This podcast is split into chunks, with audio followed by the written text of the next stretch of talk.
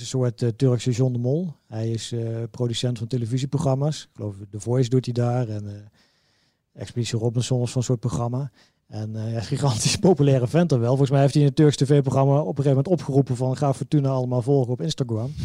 En op een gegeven moment Fortuna meteen zes keer zoveel volgers. Ze hebben nu geloof ik meer dan Groningen en Heerenveen en AZ zelfs. Terwijl er geloof ik 3000 man in het stadion zitten. Maar het zijn allemaal Turken die, die Fortuna nu volgen op Instagram. Dus er komt wel een kleurrijke man dadelijk binnen bij die club. En ook een man met heel veel geld.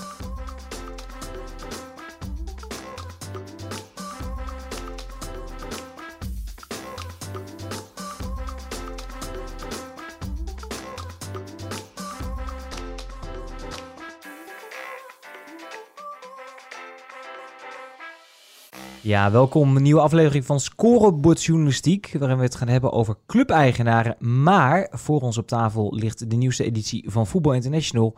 Ja, met op de cover wie anders dan Ronald Koeman. Dus voordat we de eigenaren gaan hebben, even heel kort. Marco Timmer, Tom Knipping bij de aangeschoven. Heren, welkom. Zagen we dit aankomen? Ja, dat wel. ja, daar hoef geen helder zien voor te zijn natuurlijk. Als ze begin eh, dit jaar al uh, bij hem geïnformeerd hebben en er is zo'n grote puinhoop daar, dan kom je automatisch weer bij hem uh, terecht. Zijn we het er ook mee eens? Laat ik dan die vraag stellen. Nou, ik begrijp je zijn keuze? Ja, ook dat. Die keuze begrijp ik ook. Alleen, ik had het heel stoer gevonden als je gewoon nee had gezegd. Als hij het niet had gedaan. Hij heeft zo'n mooie lichting bij het Nederlands elftal. Hij heeft het nieuw leven ingeblazen. Het staat goed. Er is een positieve energie. Nou, we komen uit best wel een diep dal hè, met, uh, met Oranje. Hij heeft dat heel goed gedaan. En ik had het heel uh, stoer gevonden als hij het had afgemaakt.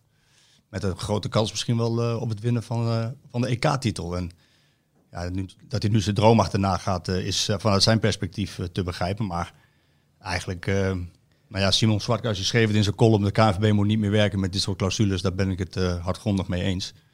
Um, maar ik had ook van Koeman zelf wat meer commitment misschien wel verwacht. Tom, hoe zie jij erin? Ja, helemaal eens met Marco. Die clausules, dat is toch een probleem. Uh, dat is in, het voetbal eigenlijk heel gebruikelijk. Ik kan me herinneren dat Van Gaal ooit als trainer van AZ juist een bondscoach-clausule had om bondscoach te kunnen worden.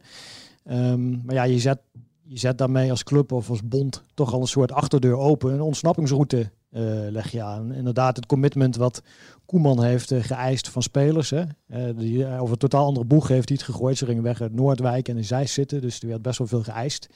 Ja, is het op zich best gek dat je een clausule in een contract zet dat je op een of andere manier toch weg kan. Kijk, het, het is geoorloofd, het is van tevoren afgesproken, dus je kunt hem dat moeilijk verwijten. Maar ik zou me wel afvragen of je dan uh, in de toekomst nog met mensen in zee wil, die uh, ja, toch in hun gedachten dan kennelijk al weg willen als er een andere kans uh, komt.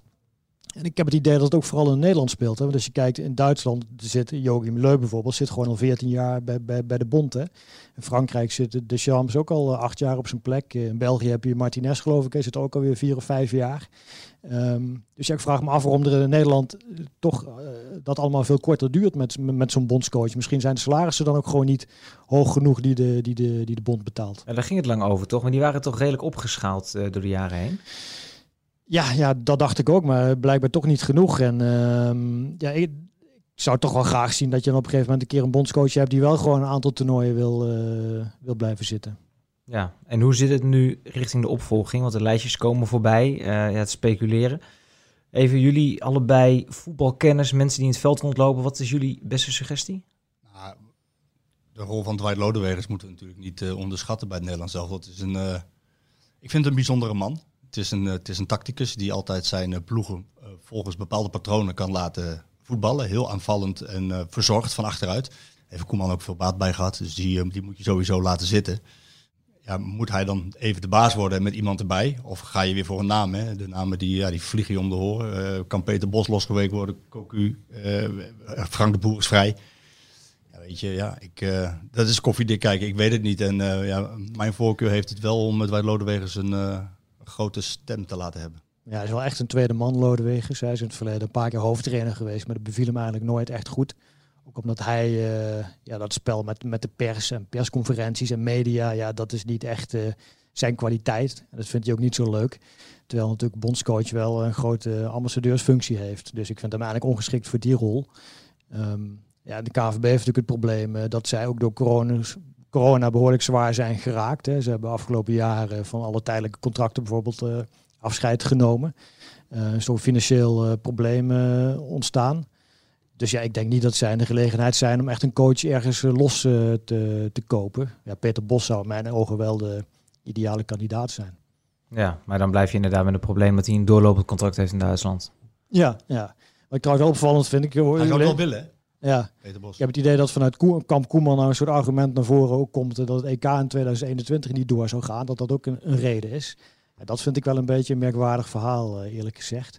Want als corona in januari, februari uh, nog speelt, dan gaan ze natuurlijk gewoon hetzelfde oplossen als de Champions League nu. Hè, dan gaan ze gewoon op één plek zitten en gaan ze daar alle wedstrijden spelen. Dus dat EK in 2021 gaat natuurlijk wel gewoon door. Uh, wat wel speelt is dat die Nations League wedstrijden van de komende maanden, die staan wel op losse schroeven. Um, omdat natuurlijk spelers vanuit de hele wereld uh, dan uh, ja, ingevlogen moeten worden. Er komen heel veel reisbewegingen. Uh, ja, daarvan vraagt de UEFA zich wel af, moeten we dat door laten gaan? En hetzelfde gaat natuurlijk straks spelen in een nieuwe seizoen van, van de Champions League. Ja, maar dat mag geen argument zijn om te zeggen, ik ga weg bij Nederland zelf. Ja, dat vind ik gewoon een heel zwak argument. Zeg dan gewoon, ik heb een clausule in mijn contract, dus mijn droom, daar wil ik een beroep op doen. Maar kom niet met zo'n met, met lulverhaal van het EK gaat misschien niet door. Het duurt nog een jaar. Precies. Nou, ik hoor heel veel uh, journalisten die ook virologen zijn geworden... en die dat volledig begrijpen dat we het op die manier uh, opgelost Ja, maar ja, de Champions League in oktober gaat misschien ook niet door. Uh, als het in Spanje zo doorgaat, krijgt La Liga misschien ook wel een probleem. Weet je wel, zo kun je natuurlijk alles in twijfel trekken. Hoe dan ook, er is een aardige bom gelegd onder het Nederlands zelf. De KVB moet ook nog even een bondscoach voor de vrouwen vinden overigens. Wiegman gaat natuurlijk ook weg. Die blijft van een jaartje zitten, maar die, ze zijn er druk mee in Zeist. Ja, die hebben wat te doen. Die hoeven ze niet te vervelen. Het is, wel, het is wel voor de KVB natuurlijk, na alles wat er is gebeurd, uh, met de competitie die stilgelegd is, de corona, hoe ze het aangepakt hebben met degradatie, promotie. Het is wel weer een volgende tik. Ze krijgen wel klap ja. klap. Hè. Ja, zeker, op, ja, precies. Zeker omdat ze natuurlijk naar januari dachten, toen Barcelona een nieuwe coach had aangesteld. Ja. Van ja, de, van dit probleem zijn we even verlost. Maar ja, die presteerde ook zo dramatisch dat, dat Koeman opnieuw werd benaderd. Uh, maar ja, goed, ze hebben daar een directeur topsport voor, uh, of topvoetbal voor aangesteld, hè, een aantal jaar geleden. Dus die heeft ook wat te doen nu probleem opgelost. Wij gaan even door naar de reden waarom we hier eigenlijk zijn in deze nieuwe podcaststudio overigens. Um, het was denk ik een paar maanden geleden, Tom, dat jij zei van het wordt er eens een keer tijd om te kijken naar de eigenaren in Nederland. In hoeverre zijn clubs eigenlijk verkocht. Met als ja, wel interessante haakje natuurlijk uh, ja, augustus 2010. Dan denk ik meteen terug aan een Merab Jordania die binnenkwam. Feestdag van alle Vitesse naar. Ja, ja, Ik, heb het, ik heb het boekje van Marcel van Roosmalen van Hart Gras nog twee dagen bij, uh, heb ik meegenomen. En het eerste wat ik dan lees is... Vanwege zijn optreden op maandag 16 augustus 2010 riep de Gelderlander Maaspet Schouten uit tot oliebol van het jaar. De inmiddels ontslagen Vitesse-trainer Theo Bos stuurde de oud-voorzitter en eigenaar direct een sms. Gefeliciteerd, toch nog een prijs. Dat is natuurlijk de gekte van 2010 waar we in beland waren, want uh, Vitesse was de eerste Nederlandse club met een buitenlandse eigenaar. Ja, Tom. En toen uh, hebben wij met, een, uh, met z'n drieën, samen met collega Ivo van Duren, hebben wij eens een, een rondvraag gedaan. Eigenlijk hebben we alle clubs eens benaderd om te kijken hoe het ervoor stond. Ja, ja we hebben het tien jaar geleden ook een keer gedaan. Hè? Toen uh, Vitesse net was overgenomen door Jordania. hebben we alle clubs ook gevraagd van, goh, hebben jullie überhaupt wel aandelen verkocht? En hoe zouden jullie staan tegenover een overname? En het sentiment was toen behoorlijk ja, negatief. Zagen heel weinig clubs zitten. Het gebeurde ook nog weinig. En nu, uh, anno 2020, zie je toch dat het beeld behoorlijk is uh, gekanteld. We hebben de hele betaalde voetbal in kaarten gebracht. En dan zie je toch dat een meerderheid van de clubs al aandelen heeft verkocht. Hè? Natuurlijk niet allemaal aan buitenlandse investeerders, maar ook uh, gewoon aan Nederlandse investeerders of regionale tycoons. maar ja, het gaat om 20 van de 34 clubs die al aandelen hebben verkocht, waarvan 14 al de zeggenschap het handen heeft gegeven. En dat beeld is dus behoorlijk omgedraaid in 10 jaar. Ja, maar dat is, bedoel, we praten er vrij makkelijk over. Maar als je het gewoon even nagaat, 20 van de 34 clubs hebben al aandelen verkocht. En wat jij zegt, 14 clubs zijn gewoon eigenlijk de meerderheid van hun aandelen kwijt. Ja. Dat is, ja. dat is best wel flink. Wij denken altijd dan aan de oliesheiks en in de grote landen waar dat gebeurt. Maar ja, nee, maar je moet bijvoorbeeld ook denken aan Telstar bijvoorbeeld, hè, die bekend staat als de grootste cultclub van Nederland dan. Maar die hebben ook al een tijdje een aantal eigenaren. Waaronder trouwens de broer van Frans van Zeumeren, wat ja. wel een aardige detail is.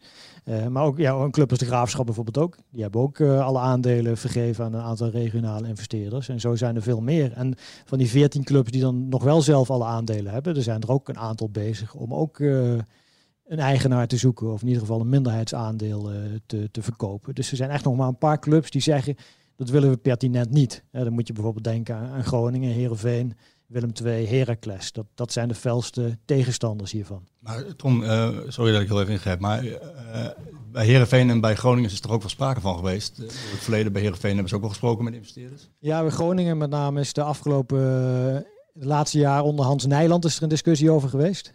Uh, Hans Nijland uh, was, uh, was altijd ook tegen investeerders, maar die zag op een gegeven moment dat, dat de concurrentiepositie van Groningen daar onder druk kwam. Want Utrecht, Vitesse, die konden veel hogere salarissen bieden daardoor, omdat de tekorten altijd werden aangezuiverd. Dus die, heeft, die is toen een discussie gestart, oh, we moeten dat ook bij, bij Groningen gaan doen. Er is ook een discussie met supporters een middag over geweest. En, maar ja, dat is uiteindelijk niet, niet, niet omgezet in, uh, in beleid. En nu de, de, nieuwe man, Wouter Gudde, die, die wil het voorlopig niet. Die zegt, ja, Groningen moet eerst zelf sterker worden, sluitende begroting hebben, uh, spelers voor veel geld verkopen. En dan in de toekomst is het misschien wel interessant, uh, maar nu niet. Maar zou het voor Heerenveen niet ineens een uitkomst zijn? Die hebben 6 miljoen euro tekort elk jaar. Ja, die moeten ieder, hebben ieder jaar een miljoenen transfers nodig om, om het tekort te dicht te fietsen. En bij heel veel clubs is het uiteindelijk ook uit noodzaak ontstaan. Dus ik denk dat je het beter kan doen als je nog in een goede positie zit. Hè? Want als het uit noodzaak op een gegeven moment gebeurt, je staat met de rug tegen de muur, dan krijg je toch ook eerder de gelukzoekers, hè? zoals je bij Roda hebt gezien. En uh, een beetje de, de, de meer loesje types, die krijg je dan eerder bij je club binnen dan als je er nog goed voor staat en je uit meerdere partijen kan kiezen. Ja, nu hebben we alle clubs, wat jij zegt in betaald voetbal, hebben we eigenlijk uh, ja, in beeld gebracht. Uh, als je eigen clubje even terug wil lezen, zou ik vooral naar VI Pro of naar het magazine uh, rennen komende woensdag, want alle clubs staan erin. Uh, ik wil er even een paar uitlichten en jullie hebben ook allebei nog een apart verhaal gemaakt voor deze VI, wat het eigenlijk nog ja, duidt het een en ander. Uh, Tom, even één of twee clubs die ik nu als eerste wil uitlichten. AZ Alkmaar. Vind ik een interessante club. Ja, ja die, hebben, die waren natuurlijk ooit de eerste club met een eigenaar, Dirk Skeringa. Die ze naar de top bracht, maar daarna uh, ook voor de totale ineenstorting zorgde en bijna voor een faillissement. Uh, nou, dat is op een gegeven moment de afgelopen tien jaar is er natuurlijk weer behoorlijk op de rit gekomen. En Robert Eenhoorn, de directeur, die heeft de afgelopen jaren al een aantal keer gezegd dat hij wel uh, ja, een minderheid zou willen verkopen. Uh, ja, blijkt nu dat ze er ook concreet mee bezig zijn. Ze hebben een optie op uh, 5% van de aandelen vergeven aan de partij. Hij wilde van de week nog niet zeggen welke partij dat, dat was. Maar goed, dus die zijn bezig met nu voor het eerst vindt Scheringa weer een, een deel van de, van de club ja, te verkopen. En dat past dan in een strategie van ja, dat ze verder de, de top willen gaan aanvallen. Ja, Marco, luister jij daarna met het verleden van AZ? Ik moet altijd een beetje lachen als ik dit soort termen hoor. Frans van Zeumer wil ook de top uh, aanvallen met FC Utrecht. En uh, Hans Nijland heeft het gewild met, met FC Groningen en nu wil AZ het. En Twente. Twente. Ehm, ze moeten vooral ook kijken naar hun positie in het, in het voetballand, in de voetbalpyramide. En ja, dan moet je het eigenlijk toch wel concluderen dat ze dat niet structureel voor langere periode vol kunnen gaan houden. Misschien bij AZ nu op dit moment een iets ander verhaal, maar aan de andere kant als Ajax met de geldbuidel rammelt en die haalt daar gewoon twee, drie spelers op, wat, wat, wat ze kunnen, gezien de financiële positie van Ajax. Ja, als ze Wijndal en Stenks daar bijvoorbeeld ophalen, dan, uh, ja, dan wordt het volgens mij elftal alweer een stuk moeilijker om dezelfde prestaties te leveren. Natuurlijk hebben ze dan het geld, kunnen ze uh, vervangers halen. Maar om dan dezelfde successen continu te gaan halen, ja, die basis is toch wat minder breed dan bij de dan bij de topclubs. Ja, ja dus het gaat natuurlijk om een minderheidsaandeel. En je ziet wel dat uh, bijvoorbeeld bij Bayern München heeft dat ook. Hè? Uh, die hebben ook geloof ik een Audi en nog een aantal uh, grote sponsors hebben ze 5 tot 10 procent van de aandelen verkocht. Daar hebben ze toch enorm veel geld mee opgehaald. En het zal AZ natuurlijk niet, gaat niet alleen over Ajax, maar ja, Feyenoord zijn ze natuurlijk sportief in feite al voorbij. En ook naar Utrecht Vitesse, die ook veel blijven investeren, moet AZ natuurlijk ook naar ja. kijken om, om, om die op afstand te houden. Dus um, ja, vandaar dat ze dan zoeken naar. Uh, zou me niet verbazen als het bijvoorbeeld om een Amerikaanse partij gaat. Hè. Dat, uh, daar is Eenhoorn natuurlijk. Uh, hè, kijkt hij al langer naar, naar de Verenigde Staten. Heeft hij zelf natuurlijk een tijd als honkballer ook gespeeld. Um, en Amerikaanse investeerders heb je nog niet echt op de Nederlandse markt. Terwijl ze in de rest van Europa wel heel actief zijn. Maar denk jij Tom dat dan een club als AZ de top 3 voor een langere periode kan aanvallen? Als dat, als, als dat, stel dat ze die investeerder krijgen en dat ze dat heel veel geld oplevert. Um, nou ja, kijk, Ajax, dat wordt natuurlijk lastig, want die, die zijn weg. Maar ja, ze hebben de afgelopen jaren toch laten zien dat ze zich wel iedere keer tussen die beste vier uh, kunnen nestelen. En ook natuurlijk een hele goede jeugdopleiding hebben ze op, op poten gezet. Kijk, zal nooit een club worden natuurlijk met een achterban van 50.000 man en een half miljoen kijkcijfers, zoals Feyenoord en Ajax dat wel uh, hebben. Ehm, maar ja, als je toch weer wat nieuwe extra financiële armslag krijgt, waardoor je weer een etage hogere spelers kan halen, ja, dan vergroot je de kansen natuurlijk wel op een keer een kampioenschap. En daar waren ze natuurlijk nu al heel dichtbij. Ja, een kampioenschap resulteert er weer in Champions League gelden. Dus dan kun je natuurlijk zo'n club wel degelijk verder mee opbouwen. Een andere club die mij opviel in deze, maar eigenlijk ook deze hele transfermarkt, uh, FC Emmen. Waren bezig Sergio Pad op te halen, hebben een paar jongens buiten de EU. Hoe zit dat? Weten we daar meer van, Tom? Um, nou ja, wat natuurlijk opvalt is dat daar Ronald Lubbers de grote man is. En er is wel iets opmerkelijks aan de hand, want hij is voorzitter van de club. Hij is ook, zit in de stichting die de aandelen beheert met een andere persoon. En er is geen raad van commissarissen. Dus ja, hij is wel natuurlijk heel bepalend bij die club. En dan ga je natuurlijk meteen denken, is hij ook de eigenaar? Nou, heb ik hem gevraagd, hij zegt van niet. Uh, maar hij bepaalt natuurlijk wel uiteindelijk wat er met de aandelen van die club gebeurt, omdat hij in die stichting zit. Maar hij zegt dat de privé-aandelen niet bij hem zitten. Maar ja, als je kijkt welke spelers zij halen, dan uh, kun je natuurlijk niet aan de indruk onttrekken dat daar wel ook wat extra gefinancierd wordt. Maar, maar hij heeft natuurlijk de club in het verleden ook al een paar keer gered. En hij, ja. hij, heeft een heel paar, uh, paar grote bedrijven. Ja. En uh, ja, dat is, dat is gewoon de grote man waar alles om draait. Precies, dus voor helemaal formeel is hij dan misschien niet de eigenaar. Maar ja, informeel is het natuurlijk wel zo. Hij is de grote man. Zo heb je dus eigenlijk wel een paar clubs waar... Ook supporter ook hoor, overigens. Dus dat in de basis supporter waarschijnlijk. Ja, dat is namelijk ook wel vaak belangrijk. Ja, dus er zitten wel, inderdaad wel uh, wat nieuwe dingen zijn er boven gekomen. Natuurlijk meer clubs zijn overgenomen, VVV onder andere. 100% overgenomen door een groepje onder wie uh, Beer dan een van de grote mannen is, hè, die daar voorzitter is geweest. Uh, eh, FC Utrecht, waar een uh, grote miljardair die nog veel rijker is dan uh, Frans van Zeumeren, een van de nieuwe mede-eigenaren is. Hoe heet hij? Ook nog iemand anders uit de quote 500. Kaming heet hij. Dus die is rijker dan Frans van Zeumeren? Ja, ja. ja, ja. zijn vrouw zit al in de raad van commissarissen sinds kort, maar die man is inderdaad nog rijker dan, dan Van Zeumeren. Dus het zou ook kunnen verklaren waarom Utrecht de laatste weken met allerlei berichten ook om dat ze toch de top willen gaan uitdagen. Ja, maar ze, hebben dus... ze hebben drie gigantische investeerders nu eigenlijk achter die club staan. Dat is echt ongekend. Ja. En in de Bali uh, hadden we dan een voetbalavond van de Voetbal International. Dat was van Frans van Zeumer ook. En die zei dus ook dat hij dit geregeld wilde hebben. Omdat hij natuurlijk niet het eeuwige leven heeft. Nou, hiermee, nou, hij heeft er al, dan, ja, hij heeft er al, wel goed te zitten. Ja, hij heeft er al 40 miljoen uh, in, uh, in, gestoken. dus, ja, zijn zakken zijn natuurlijk niet oneindig diep. Um, en hij wilde het ook gewoon geregeld hebben voor de toekomst. Uh, Frans ook 70 inmiddels. Ja. En hij heeft er dus nu twee enorm grote jongens bij getrokken. En daarnaast nog, geloof twee of drie andere investeerders. Hij heeft zelf nog wel een meerderheid. Ik geloof 60% nog, zegt ja. hij zelf. Um, maar ja, het, het, geeft wel aan dat die club natuurlijk wel uh, nu enorm kapitaalkrachtig is. En dat verklaart denk ik ook wel de ambities die de laatste tijd uh, bij die club naar buiten wordt komen. Ik werk 20 jaar bij Voetbal International. Jij bijna. Stef, jij? Tien. Tien. Ik heb twintig jaar gehoord dat, uh, dat, uh, dat FC Utrecht de sleeping giant is. Dat, uh, dat ze de vierde club van het land moeten zijn. Dat ze de top gaan uitdagen. Maar het lijkt er, het lijkt er echt van te gaan komen, Tom. Met nou deze mannen achter zich. Nou ja, dat weet ik niet. Het is natuurlijk niet alleen geld. Hè. Kijk, Van Zeumer heeft in zijn beginperiode ook geprobeerd met gewoon heel hoge salarissen te betalen. Even snel aan te haken. Maar ja, top 3 en AZ zijn volgens nog natuurlijk wel gewoon verder. Alleen als je gewoon kijkt naar de salarissen die zij kunnen betalen, ook met deze drie mensen erachter, ja, dan worden zij natuurlijk wel een, uh, in dat opzicht in ieder geval wel een top 5, uh, top 6 club. Ja, en het trainingscomplex wordt aangepakt, uh, begrijp ik. Ze gaan een tijdelijk complex bouwen in Overvecht, waar de eerste selectie gaat. En dan vervolgens moet het een heel nieuw trainingscomplex komen naast Stadion Galgenwaard. Het komt een heel topsportcentrum, wordt daar neergezet. Een beetje Papendal-achtig moet dat worden. Uh, nee, Utrecht pak wel door, maar wat Tom ook terecht opmerkt, je kan op een gegeven moment wel het geld hebben, maar dan komt het natuurlijk ook meer op beleid. Ja. Hè? Kijk, NEC heeft ook een miljardair bijvoorbeeld als aandeelhouder. Ja, uh, ja. En nou, daar is niet veel van terecht gekomen. Nee, maar in dit, geval, ja. uh, in dit geval zegt Stef ook terecht, als je het sport, het, het, trainingscomplex aanpakt, je hebt je jeugdopleiding heb je staan, je hebt met uh, Jordi Zuidam, een technisch directeur, die niet hele gekke dingen doet. En sterker nog, die goede dingen doet. Goede dingen doet. Dus de, de selectie behoorlijk versterkt. Je kan een categorie trainer halen die zich al bewezen heeft ja, dan, dan, dan, ja, dan duidt het er wel op dat je iets langer structureel misschien en dan... Uh, want natuurlijk, laten we wel wezen, FC Utrecht was natuurlijk een uh, piekendalenclub. Uh. Ja, ja, precies. En miljardairs, die zijn er ook bijna niet in Nederland. Ik geloof dat er 40 of 50 zijn in totaal. Ja. En, en daarnaast hebben ze er nog twee mensen die ook honderden miljoenen hebben. Dus ja, dat is echt ongekend. Dat heeft geen enkele andere club.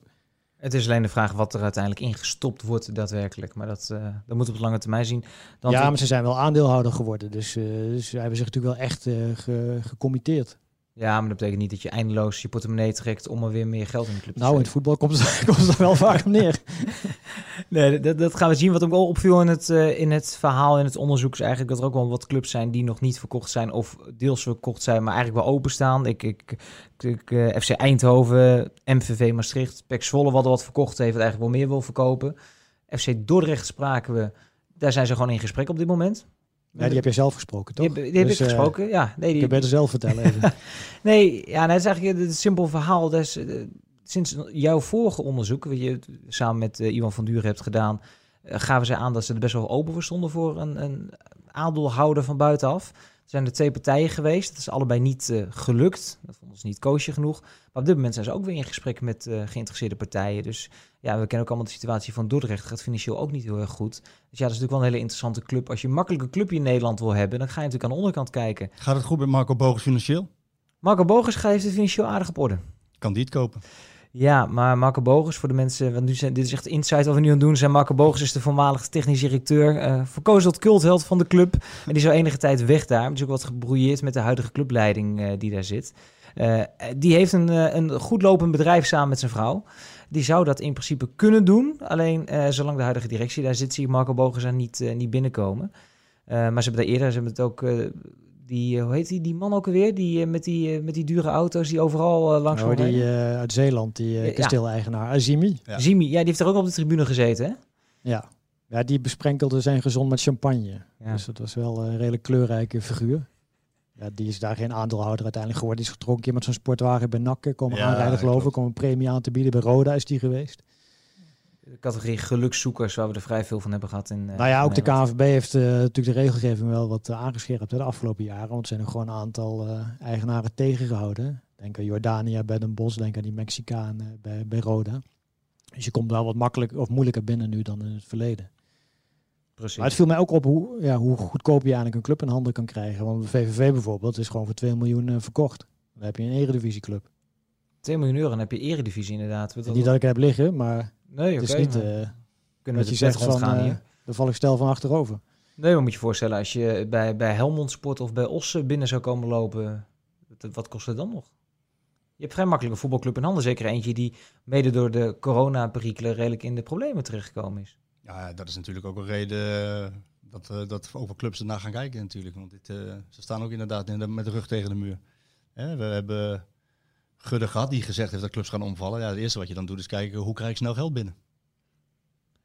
Precies. Eh, Marco, bruggetje maken. Bij Go Ahead is dat niet nodig, hè? Want die hebben toch een, eh, een rijke eigenaar zitten. Alleen Alex Kroes, was dat niet eerst een zaakwaarnemer? Ja, ik vond toch wel een onmerkelijke move natuurlijk. Hè. Dat, eh, dat, je ziet het wel vaker, dat zaakwaarnemers eh, in de voetballerij iets proberen. Hè. Het groepje rond eh, Rob Jansen met, eh met, met Cocu en eh, Kuit en Bergkamp, die willen wel wat. Ehm, ja, Mendes, die heeft natuurlijk eh, de, de, grote, de, de grote zaakwaarnemer. Die, ja, van Mourinho en Ronaldo ja, onder andere. ja, Ja, ja. Die heeft natuurlijk eh, bemoeienissen. Ja, bij Wolverhampton. Bij Wolverhampton andere. Wanderers. En, ehm, en Alex Kroes is eh, medeoprichter geweest van SEG, Sport Entertainment Group. In, in 2000. Hij heeft 18 jaar aan de andere kant van de tafel gezeten als eh, zaakwaarnemer. Eh, ja, van onder andere ook eh, Depay, eh, Van Persie. Eh, een slimme man, bedrijfseconomische achtergrond. Heeft bij Ajax in de, in, de, in de jeugdopleiding gezeten toen hij merkte dat hij het niet redde als, eh, als voetballer. Is hij zaakwaarnemer geworden en uiteindelijk dacht hij van ja, nu heb ik 18 jaar dit gedaan, ik verkoop mijn aandelen. En ik, ga het, eh, ik denk dat ik het beter kan. Ik heb 18 jaar aan de ene kant van de tafel gezeten, tegenover mensen die een club vertegenwoordigden. Ik heb altijd gedacht, dat kan ik beter en dat ga ik doen. Hij heeft het eerst geprobeerd in, in, in Engeland, hij heeft het in Duitsland geprobeerd bij uh, Alemannia Aachen. Hij heeft het in België geprobeerd bij een lage klasser.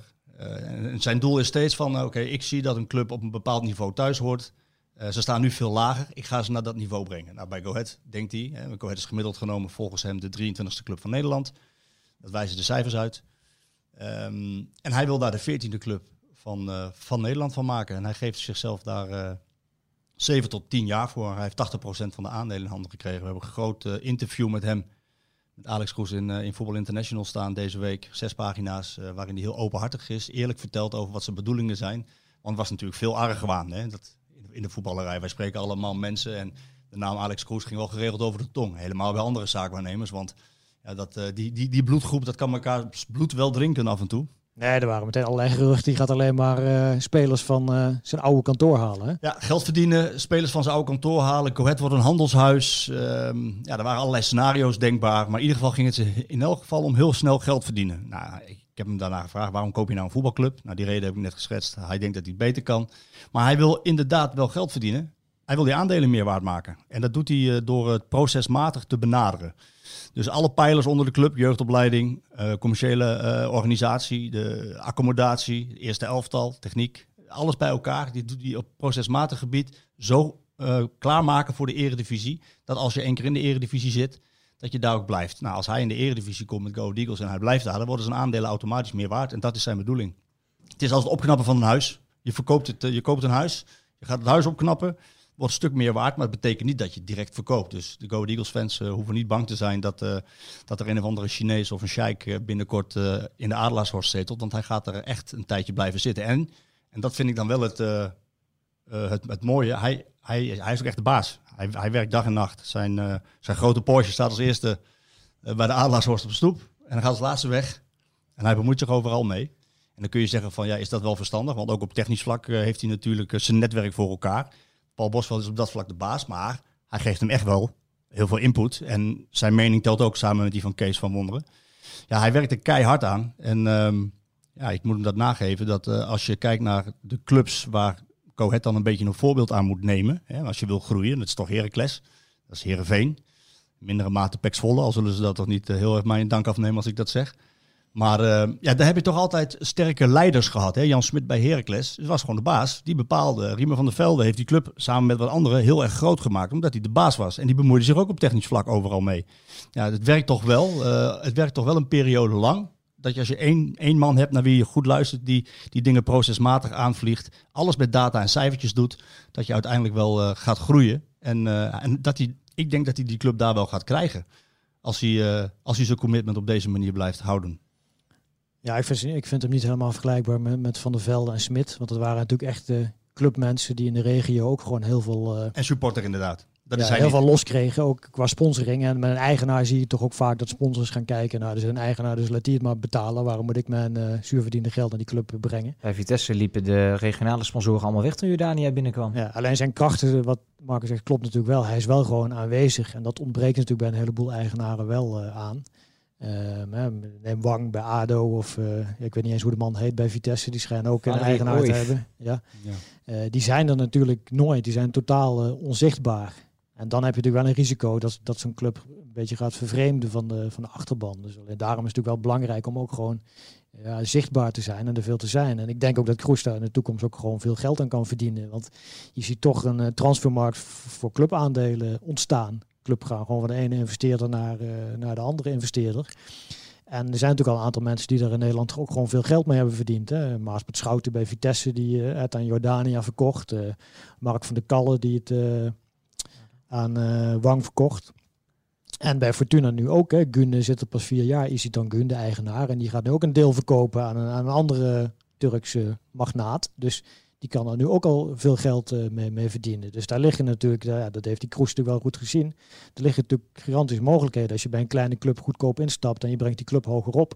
Ja, dan is daar straks vast wel een geïnteresseerde voor uh, te vinden. En ben ik dan een enorme romanticus dat ik, ik zie een voetbalclub nog steeds als 11 tegen 11, mijn clubje, ik zit op de tribune en nu komen we op het punt aan dat clubs verkoopobjecten worden van de ene eigenaar naar de andere. Ja, maar soms vraag ik me af. Ik was in het begin ook heel sceptisch en negatief over. Maar op een gegeven moment vroeg je ook af, ja, wat, wat is nu eigenlijk uh, beter? Want ook bij al die clubs die bestuurders zitten, die maken er een enorme puinzooi van. Het is hun geld niet, hun verantwoordelijkheid niet. En binnen twee jaar zijn ze weer weg. Hè? Dat is precies wat Kroes ook zegt. Hè? Die ja, neem Barcelona bijvoorbeeld. Die hebben geen eigenaar. Maar die hebben gigantische schulden. Die investeren iedere keer weer opnieuw. En nu komen er weer verkiezingen aan. Dus gaat die president Koeman halen. Weer allerlei nieuwe spelers die ze eigenlijk niet kunnen betalen. En na mij de zonvloed. Nou ja, dat gebeurt in ieder geval niet onder zo'n investeerder. Dus ja, ik vraag me zo langzamerhand wel af. Ja, waar ben je als supporter nou uh, beter mee af? Na, na, na, na zo'n draai, met zo'n draaiduur directeur die er een enorme financiële bende van maakt. Of zo'n investeerder die met zijn eigen geld uh, misschien die club hoger op probeert te brengen. Ja, het probleem is ook een klein beetje dat je, dat je voorbeelden hebt waar het gewoon helemaal niet goed gaat. Hè? Als je, ik krijg het niet in mijn hoofd bij elkaar hoor. Dat iemand 140 miljoen euro in Vitesse stopt en dat het geld verdampt is. Dat krijg je niet bij ja, elkaar. Kijk, dat is natuurlijk dat is natuurlijk, er zit een beetje een loesje, Ja, loesje sfeer omheen. Ja, er zijn Ja. natuurlijk ook talloze rapporten al over dat eh, voetbalclubs worden gewoon misbruikt eh, als witwasvehikels. En bij Vitesse hangt natuurlijk al jaren boven de markt. Ja, waarom stopt iemand 140 miljoen in een provincieclub? Niemand die het kan zeggen. Ja, We weten niet eh, eens de- wie dat geld erin Nee, de financier die is er nooit. Dus wat is daar de bedoeling van? En de KNVB heeft daar ook altijd vraagtekens over gehad. Vandaar ook dat ze op een gegeven moment die regelgeving hebben aangescherpt. En Gun was de laatste die dan onder de oude regelgeving nog binnenkwam. Maar van Jordanië werd bijvoorbeeld al gezegd, ja, eh bij Den Bos, van ja, het is niet duidelijk waar je geld vandaan komt. eh, dus ja, we doen het niet. En dat was met deze regelgeving was dat consortium bij Vitesse er ook niet ingekomen. En bij China waarschijnlijk ook niet, eh, die Chinezen waarschijnlijk ook niet bij, bij, bij ADO. Dus ehm daar heeft Marco gelijk. En er zijn gewoon heel veel slechte voorbeelden ook van clubs die er compleet en onderdoor zijn gegaan. Met name in Engeland ook een aantal. Ja. Hè, van eh, ook allerlei eigenaren die werden eh, gearresteerd op een gegeven moment. Clubs die failliet gingen. Ehm, dus er zijn ook heel veel voorbeelden waar het heel verkeerd heeft uitgepakt. En dat is België ook, hè? het is natuurlijk ook een risico. Want ja, stel je wel een goede investeerder. Uiteindelijk ligt de club wel in handen van één man. En die kan zelf ook financiële problemen krijgen of er niet zoveel zin meer in hebben. Ja, je wel volledig afhankelijk ja, aan wie hij de club vervolgens eh, door, doorverkoopt. Ja, en dat is, het, dat is het grote verschil met Alex Kroes. Want ik heb hem best wel het vuur na aan schenen gelegd. Hè, want ik ben natuurlijk ook kritisch. Kom uit Deventer, dus de club gaat me aan het hart.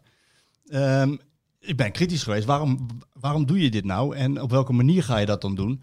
Eh, ja, hij is heel duidelijk over zijn bedoelingen. En waar je dus bij andere eigenaren vaak ziet dat ze moeten bijlappen. Frans van Seumeren, Vitesse. eh, er komen grote, te- grote tekorten. Er wordt veel meer geld uitgegeven dan dat er binnenkomt. Maakt niet uit. De eigenaar die trekt de portemonnee en dat wordt wel weer bijgelapt. Alex Kroes is heel duidelijk over. Ik doe, ik doe dit niet caritatief. Ik eh, stop er geen euro extra in. Hij heeft wel iets gedaan in het investeringsfonds met corona. Maar hij doet verder doet hij er helemaal niks mee. Hij gaat dat heel beleidsmatig doen. Hij heeft ook bedrijfseconomische achtergrond, zoals ik zei. En hij, ik, het voelde voor mij, en zo heb ik het ook aan hem gevraagd. Het, het voelt alsof je een live voetbalmanager speelt. Of, of je een hobby hebt gekocht. Of je, een, of je voetbalclubje nu aan het spelen bent. Nou, hij zegt, dat is een beetje te kort door de bocht. Maar een klein beetje kun je het wel zo zien. Ik denk dat als ik het goed doe, procesmatig aanvlieg, deze club naar de 14e plaats kan brengen in de Eredivisie. En dan worden automatisch mijn aandelen meer waard. En dat is mijn verdienmodel. Ja, maar ja, wat Stef zegt klopt natuurlijk wel. Het, het is nu wel zo dat Go Ahead ligt wel volledig in handen van, van één man nu. Twee. Oké, maar hij heeft, hij heeft de meerderheid, toch? Ja, dus als er meerderheid, morgen een Chinees komt. Ja, daar kan hij Eh, van, eh, die, die komt een aanbod wat je niet kan weigeren. Ja, Koeman zei ook van ik doe het EK. Ja, maar uiteindelijk komt er een aanbod wat je niet kan weigeren. Ja, je moet afgaan eh, op, eh, op, op wat hij zegt. Ja, en dat is natuurlijk die verschuiving zie je wel. Want heel veel clubs beginnen eerst met regionale investeerders. Hè, wat Go Ahead ook eh, Hmm. deed. Hè. En dan is het verhaal van ja, we hebben niet één grote man, maar in de regio, dus dan blijft het bij ons. Ja, uiteindelijk gaan die regionale investeerders het aan één man verkopen. En uiteindelijk verkoopt het straks misschien wel door aan een, eh aan een sheik of aan een uh, Chinees. Ja, weet jij veel. Dat heb je dan uiteindelijk. Ja, je, kun, je kun je aandelen of je kun je zeggenschap natuurlijk maar één keer weggeven. En daarna heb je het niet meer in de hand. Ja, dat is wat risico. Ja, stel dat Dus Alex, dat is het risico. stel dat Alex Kroes over drie, vier jaar toch in één keer heel veel geld nodig heeft en dat bot komt langs. Ja, dan kan hij nu wel zeggen, ik ga er zoveel jaar steek ik erin.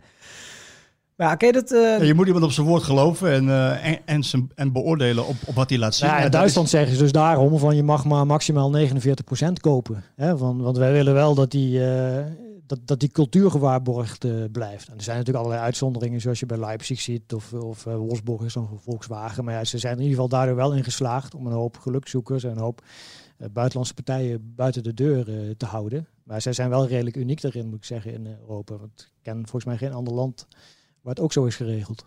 Nee, dat hebben ze heel goed voor elkaar. Tom, ik las eh, jouw stuk met Gun, eh uitgebreid interview. Wat ik interessant vond, dat wist ik niet. Dat hij college geeft aan de Voetbal Business Academy in Genève. En eigenlijk ook over dit onderwerp. Ja, hij is eh, econoom. Dus zijn verhaal ligt ook wel redelijk in lijn met, met Kroes. Hij is ook iemand die gewoon heel zakelijk naar het voetbal kijkt. En ik denk van ja, niet, niet te emotioneel, zoals je natuurlijk vaak ziet bij mensen als Van Zeumeren, die emotioneel zijn en heel veel geld erin stoppen, wat eigenlijk niet verantwoord is.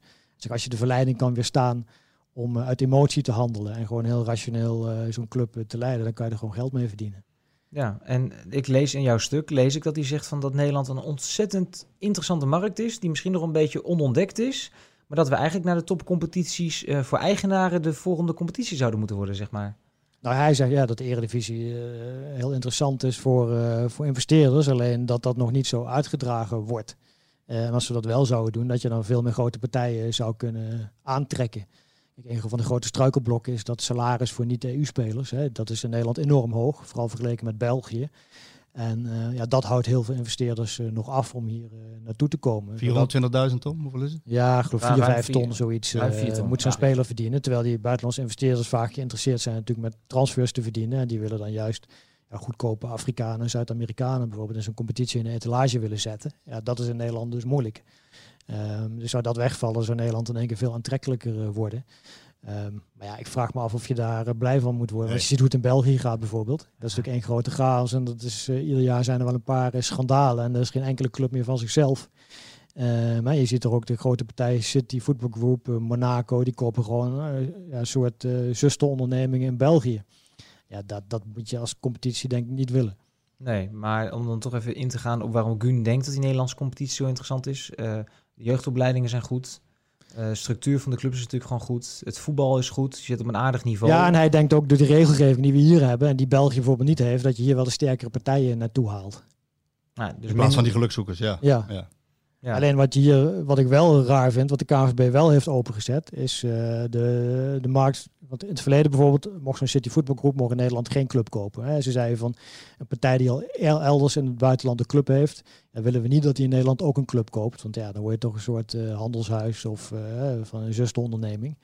Um, en dat hebben ze nu aangepast. Dus nu mag de City Football Group of uh, Red Bull, die mogen in Nederland nu wel gewoon een club uh, kopen. Ja, dat lijkt me eigenlijk ook geen wenselijke ontwikkeling. Want ja, de ambitie van die grote concerns is niet om een clubje in Nederland naar de top te brengen natuurlijk. is geld verdienen en dan krijg je inderdaad heel veel schuiven met spelers. Uh, ja. ja. Dat zie je dus nou veel minder bij zo'n cruise bijvoorbeeld ook met die, met die segbanden. Ja, er zijn eigenlijk niet heel veel spelers van zeg bij nee. Eagles gekomen. Maar dat, nee. dat, met die gelukzoekers ligt dat wel op de loer. Maar dit, dit is precies het argument wat Judania gaf toen hij van de ene op de andere dag weg moest bij Vitesse. Die zei van ja, wij mochten van Chelsea geen kampioen worden. Want wij zijn eigenlijk alleen maar hier neergezet om talenten uh, een ja, podium dat speelt te natuurlijk, ja. Ik bedoel, die, die grote concerns die willen natuurlijk clubs op verschillende niveaus. Hè? Want die, hebben natuurlijk, die kopen gewoon in grote getalen spelers in. En de ene is al grijp voor de Champions League, en de ander voor de Europa League, en de ander voor een, een subtopper in de Nederlandse competitie. Ja, het is niet de bedoeling dat dan clubs op hetzelfde niveau uh, gaan, gaan acteren.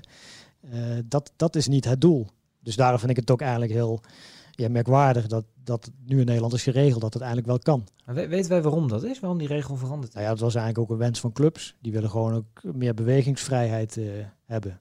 En de KVB heeft aan de ene kant de regels aangescherpt natuurlijk met de herkomst van het geld. Aan de andere kant willen clubs wel de bewegingsvrijheid om toch investeerders uh, uh, aan te trekken. Oké, okay. tot slot ten aanzien van Gun. wat, hoe gaat Fortuna de komende jaren eruit zien? Komt die media tycoon uit Turkije binnen?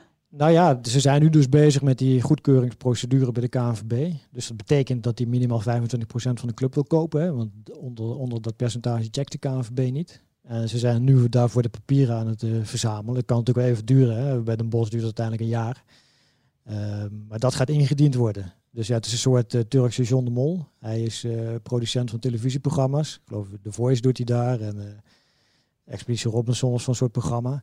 En ja, gigantisch populaire vent wel. Volgens mij heeft hij in het Turks tv-programma op een gegeven moment opgeroepen van ga Fortuna allemaal volgen op Instagram. En op een gegeven moment had Fortuna meteen zes keer zoveel volgers. Ze hebben nu geloof ik uh, meer dan Groningen en Heerenveen en AZ zelfs. Ja, terwijl er geloof ik 3000 man in het stadion zitten.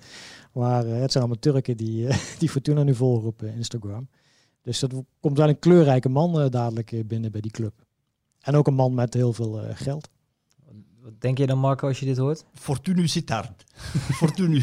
ja, ik, ik, kan me er allemaal niks meer voorstellen. Joh. Ik ben ook een romanticus en ik... Uh, nou, ik had het niet verwacht, moet ik eerlijk zeggen. Nee. Want Zuid-Limburg was toch altijd een soort uh, bemoeide driehoek voor uh, gelukzoekers ja. en uh, mislukte overnames. Op gebied. Ja, ja, die, die, schoonspringer uit Rusland gezien en die, die, die Mexicaanse charlatan, maar daarvoor ook al heel veel. Hè. Ik geloof ik een busmaatschappij uit Hongkong die Roda wilde kopen, bleek fake. En uh, Fortuna een keer met een, uh, ja, daar heb jij toch door een enorm verhaal van gemaakt. Naam, die, naam is geschoten, weet je ook alweer. Die Marokkaan die bij ja. Telstar ooit een keer een speler dood verklaard die nog leefde. Hoe heet ja, ik weet even zijn naam kwijt, maar die, die, dat, dat geld moest dan, ze zijn serieus met een geldbus zijn ze tot uh, in Antwerpen geweest om, ja, maar goed, dat, om precies, geld op te halen. Dat was een tussenpersoon die schermde met investeerders uit Brazilië en Qatar. Ja. En nou, de, Fortuna helemaal in paniek, dus liepen ze weken achteraan. Maar het bleek uiteindelijk ook weer een fabeltje.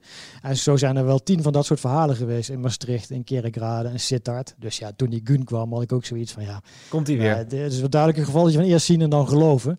Ehm, maar ja, je moet, je moet hem toch nageven dat hij in vier jaar wel die club uh, eindelijk weer op de kaart heeft uh, gezet. En nu opnieuw toch een grote investeerder erbij gaat betrekken. En dus dan toch terugvertalen naar het veld. Als ik zie wat Fortuna de laatste weken op de transfermarkt doet, dan gaan ze daar ook gewoon weer een aardig elftal neerzetten. Dus het betaalt zich ook wel uit op het veld uiteindelijk. Als je de juiste mensen in de top hebt zitten. Tom, Marco, als wij nou pakweg over twee, drie, vier jaar hier weer gaan zitten en wij bellen nog eens een keer rond, wij bellen de alle clubs nog eens een keer op, zijn we dan over de 50% heen? Zijn we dan 50% van de aandelen kwijt in Nederland? Ja, zijn rond, daar zitten we nu toch al? 46 dacht ik nu. Oh ja, ja als je, als je alle, alle aandelen zou optellen wat is vergeven, dan zit je rond de 46. Ja. Dus, dus de afgelopen twee, drie jaar is het al met 7, 8 procent toegenomen. Dus ja, die zeggenschap gaat gewoon steeds meer verdwijnen. Ja, kijk alleen maar in het artikel, ja, hoeveel clubs zijn er nog pertinent tegen? Dat zijn er misschien nog uh, 5, 6 van de 34. En de rest is gewoon actief aan het werven of uh, staat daarvoor open. Ja, waarom zijn die vijf, zes clubs nog tegen? Ja, zij zeggen van ja, we willen de zeggenschap niet, uh, niet het handen geven. En de club is van ons en is verankerd in de regio. Hè. Dat zijn belangrijke argumenten. Een beetje ook die vaak in Duitsland hoort. Hè, waarom het daar dus is geregeld dat het niet kan. Um, maar ja, zij zijn wel zwaar in de minderheid. En dat is wel echt anders dan tien jaar geleden toen we dat voor de eerste keer uh, pelden. Ja, toen was, waren clubs als Vitesse juist zwaar in de minderheid. En werd er door de rest een beetje uh, ja, laatdunkend over gedaan. Of ja, die wilden absoluut niet met aandeelhouders in, uh, in zee. Hoe zit het met de topclubs, Tom? Want ik kan me voorstellen dat het voor, voor een eigenaar met heel veel geld interessant ja. is om Feyenoord te kopen of uh, om ja. PSV op te kopen. Ja, Feyenoord zijn natuurlijk al heel lang geruchten over. Hè? En die, die hebben natuurlijk ook al uh, de, de vrienden van Feyenoord. Uh, die bijna de helft hebben. Hè? Op een gegeven moment kwam een paar jaar geleden in het nieuws van ja, we gaan een exit-strategie doen en die aandelen gaan we terugkopen. Een paar teruggekocht, geloof ik. Ja, 2 of 3 procent. Ja. Maar ze hebben eigenlijk nog steeds vrijwel dezelfde invloed. Met twee, met twee mensen in de Raad van Commissarissen? Ja, met twee mensen in de Raad van Commissarissen. Dus ja, uh, die van Boterham heeft natuurlijk al een paar keer uh, natuurlijk een, bal, proefballonnetje opgelaten. dus ja, dat, dat zie je in de toekomst daar wel een keer gebeuren. Ajax natuurlijk niet, hè. die hebben het eigenlijk al gedaan. Die zitten op de beurs. dus die hebben zelf nog wel wat... Die hebben 27% verkocht en de rest hebben ze gewoon zelf. Uh, maar die hebben een vrij vroeg stadium, eind jaren 90 al gekozen voor, ja, we willen meer geld genereren, dus gaan naar de beurs. Alleen dat was een model wat eigenlijk heel weinig navolging vond in, in Europa. Want vlak daarna ging het juist meer naar die private investeerders toe. Van die topclubs, ja, is PSV eigenlijk de e-, enige die zegt, ja, we willen pertinent geen invloed. Ja, ja, want Ajax Feyenoord hebben natuurlijk gewoon al een deel verkocht. En PSV zegt, dat doen we absoluut niet. Nee. Willen we niet. dus uh, die, zijn, die zijn er heel uh, principieel in. Ja, ze. Dat is Ton Gerbrands nu natuurlijk in de stichting. Maar ja, als er in de toekomst misschien een andere directeur komt, kan het weer veranderen. Ja, ik kan me niet aan de indruk onttrekken dat uh, meneer Robert van der Wallen, onze zegeltjeskoning die daar ook in de Raad van Commissarissen zit met een miljard, dat hij ook wel zijn invloed uh, laat Ja, natuurlijk, je hebt wel die informele invloed, maar het is toch wat anders als je echt aandelen hebt. Want daarbij is ook ja, gemachtigd om in de toekomst dat gewoon zelf door te verkopen, zonder overleg met wie dan ook. Ja, daar zie je natuurlijk vaak de problemen ontstaan, dat het gewoon aan een gek of aan een charlatan wordt doorverkocht. En zolang je als club niks weggeeft, hoef je daar niet, niet bang voor te zijn. Nasser Abdel, heette die? En, uh, Abdella, ja. Abdella, ja met die geldwagen. Dat was Abdella. ja, en AZ gaat nu dus ook verkopen. Dus PSV is van die topclubs, als je naar de top 4 kijkt, en ook 5, 6 er nog bij pakt. Ja. Utrecht, Vitesse is PSV straks eigenlijk de enige club ja, die zegt van we verkopen nul. Ze hebben, ze hebben Brainport, hè? Dat, daar wijzen ze nu een beetje naar. Ja, oké, maar dat zijn spons Ajax heeft Ziggo en Adidas, nee, dat, weet je wel. Van, daar, daar, gezwets, uh, dat heeft ja, okay. niks met elkaar. Ja, dus ik snap wel dat Gerbrands het zegt, maar het, heeft niks met elkaar te maken. Uh, nee. nee. Niet, uh, niet den hoofdprijs. Het, de conclusie is volgens mij dat uh, tien jaar nadat Mirab Jordania in een uh, bezweet hokje in Arnhem een handtekening zette, dat, dat de andere clubs volgen. Dat we, ja, we zijn minder kritisch, we, we staan ervoor open. En over een paar jaar kan het wel eens meer zijn. Ja, ja, waar, waarbij we nog steeds onze vragen tegen hebben waar het geld van Vitesse nou allemaal uh, vandaan komt. En uh, eigenlijk weten we dat niet. En waar we ook moeten concluderen dat het misschien ook wel hele goede voorbeelden. zijn goede voorbeelden, maar zijn ja. ook wel dramatische voorbeelden geweest. Uh, kijk alleen maar naar Vitesse en ADO, wat het aan ja. gedoe heeft opgeleverd. Aan rechtszaken tussen eigenaren en clubmensen en uh, ja, noem het allemaal maar op. Dus ja, je moet wel heel goed kijken met wie, met wie je in zee gaat. Ja, Gun, zegt, Gun zegt ook, die, die, heeft eigenlijk vier, hè, die stelt eigenlijk vier punten. Ja, iemand moet kennis en ervaring hebben bijvoorbeeld. Want je ziet heel vaak, dat is met Verzeumer natuurlijk ook gebeurd, dat was een man die had verstand van hijskranen en die ging in één keer uh, een voetbalclub runnen. Dus heeft er enorm veel geld mee verloren in die, uh, in die beginjaren. Zijn in het buitenland ook heel veel voorbeelden van. Hij zegt ook, ja, een eigenaar moet wel aanwezig zijn. Het is geen koekjesfabriek, nee. weet je wel. Het zijn een soort sociale levende organismen, die clubs. Dus ja, om die te doorgronden, hè, ook supporters en sponsors te doorgronden, moet je er wel zijn. Ja, dat is natuurlijk ook, gebeurt ook totaal niet bij een aantal clubs in, in Nederland. Nou, bij Vitesse bijvoorbeeld. Ja. Dus ja, je moet je wel een paar vragen stellen. Ga je als club aandelen verkopen? Je moet volgens mij wel een aantal basisvoorwaarden ja, voldoen. Hè? Is iemand bereid om de cultuur, om daarin te investeren? Wil iemand aanwezig zijn? Heeft u überhaupt kennis en ervaring over de voetbalwereld? Ja, dat lijkt me wel belangrijke punten. Ja, dat is bij Kroes dan bijvoorbeeld wel het geval. Hè? Die, die kent die wereld heel goed. ja, die is er dus altijd. Ja. Nou, laat dat dan de lessen zijn voor clubs die mogelijk overwegen om een deel of misschien wel de hele club te verkopen. Die kunnen deze week lekker de Voetbal International pakken. En die kunnen dan meteen zien wat alle collega-clubs hebben gedaan. Alle 34 clubs komen aan bod. Een verhaal met uh, Gun inderdaad. Over uh, ja, eigenlijk de lessen die je moet trekken om al en niet in Nederland te investeren. Verhaal met Alex Kroes over Go Eagles. Uh, zo nog even met Merab gesproken, tien jaar na dato. Opvallend om toch even erbij te vermelden dat hij nog steeds betrokken is bij de club. Terwijl we, al lang, terwijl we denken dat hij al zeven, uh, zes jaar weg is. Uh, collega Ivo van Duren is nog in België geweest om eens even te kijken hoe, uh, hoe vlekkeloos ja, dat, kleurrijk zijn. Ja. Dat is behoorlijk kleurrijk. Al die verhalen staan in de voetbal international. Ja, we hebben ook nog de buitenlandse competities in kaarten. Van hoeveel clubs daar nu eigenlijk verkocht zijn, hè? de buitenlandse topcompetities. En dat is ook een flinke lijst uh, inmiddels. Ja, 70 procent. 70 procent. Nou ja, er zitten Duitslanders bij, hè, die dus daar dus eigenlijk regelgeving hebben dat het daar niet kan. Dus en die andere vier zijn eigenlijk vrijwel alle clubs inmiddels voor een eigenaar. Ja, alles behalve Duitsland is verkocht. Nou, u hoort het genoeg te lezen in de Voetbal International van deze week en uiteraard ook op VI Pro. Tom Knipping, Marco Timmer, dank jullie wel.